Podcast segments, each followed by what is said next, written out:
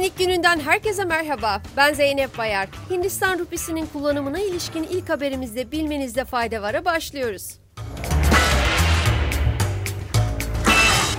Tarihinin en ağır ekonomi kriziyle mücadele eden Sri Lanka, Hindistan rupisinin yerel işlemlerde kullanılmasına izin vermeyi değerlendirdiklerini açıkladı.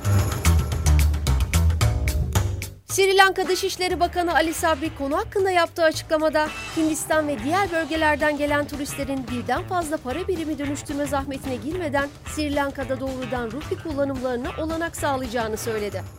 İki ülke arasındaki ticaret açığının Hindistan'ın lehine olduğuna işaret eden Sabri, Hindistan rupisini kullanmanın Sri Lanka için bir avantaj olacağına dikkat çekti.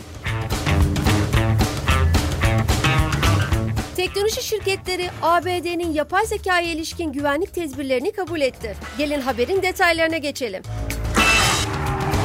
Beyaz Saray'dan yapılan yazılı açıklamaya göre aralarında OpenAI, Amazon, Google, Meta ve Microsoft'un da bulunduğu 7 ABD şirketi yapay zeka ürünlerini piyasaya sunmadan önce güvenlik tedbirlerine bağlı kalmayı kabul etti.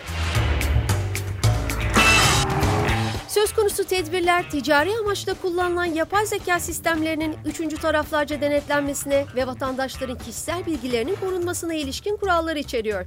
Şirketler ayrıca söz konusu tedbirler kapsamında teknolojilerdeki kusur ve riskleri de kamuya duyurmayı kabul etti. Sırada çip ihracatının kısıtlanmasına ilişkin bir haberimiz var.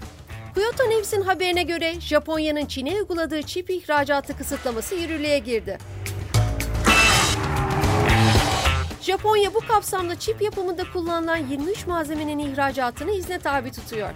Öte yandan ülkede söz konusu malzemeleri üreten 10 civarındaki şirketin bu kısıtlamalardan etkilenmesi bekleniyor. Bir başka çip haberine geçiyoruz. Maldivlerin Rusya-Ukrayna savaşından dolayı Rusya'ya yönelik yaptırımları delmek için bir sevkiyat noktası olarak kullanıldığı iddia edildi.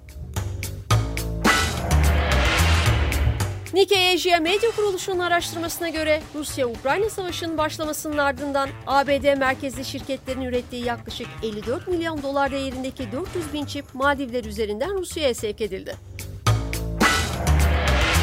Hindistan merkezli araştırma şirketi Export Genius'tan elde edilen ihracat ithalat verilerinde sadece 50 bin doların üzerinde sevkiyatlar incelenirken savaştan önce Maldivler'den bu miktarlarda sevkiyat yapılmadığı ortaya konuldu. Söz konusu veriler Maldivleri savaşın başlamasından sonra Rusya'ya en çok çip sevkiyatı yapan ülkeler arasında Çin'in ardından ikinci ülke konumuna getirdi. Milyarder Elon Musk'tan gelen son Twitter açıklamasıyla veda ediyoruz. Twitter'ın CEO'su Elon Musk, sosyal medya platformunun klasik kuş logosunu X harfiyle değiştireceğini duyurdu. Musk Twitter hesabından yaptığı paylaşımda yakında Twitter markasına ve yavaş yavaş tüm kuşlara veda ediyoruz ifadesini kullandı.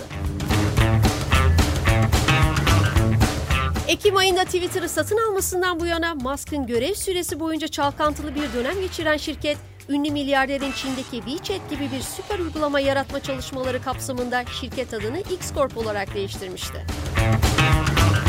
Bugünlük bu kadar. Yarın tekrar görüşmek üzere. Hoşçakalın.